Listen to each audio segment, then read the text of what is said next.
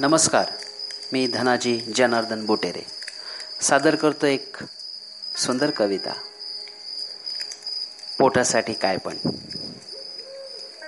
तिच्या भारदस्त शरीरावर गिधाडांची झुंबड उडायची.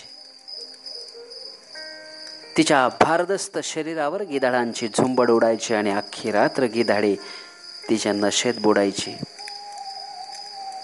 कोणी थेरडा कोणी रोगी कोणी बेवडा कोणी जोगी कुणी थेरडा कोणी रोगी कुणी बेवडा कोणी जोगी येणारा प्रत्येक जण तिला भोगी. ती करायची सार गप्प गुमान.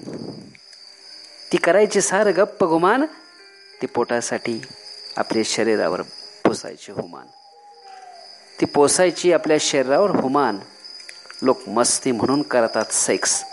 ती पोटाची खळगी भरवा भरावी म्हणून करते सेक्स. घरी दोन चिल्ली पिल्ली वाट पाहत असतात. वाटेकडे डोळे लावून बसतात.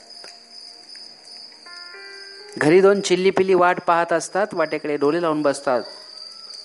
लोकांचा शिण घालून ती घरी येते स्वतः मात्र शिणलेली.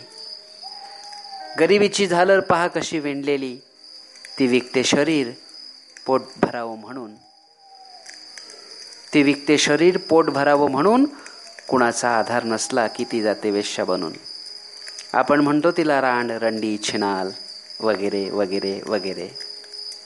आपण म्हणतो तिला रांड रंडी वगैरे वगैरे. थँक्यू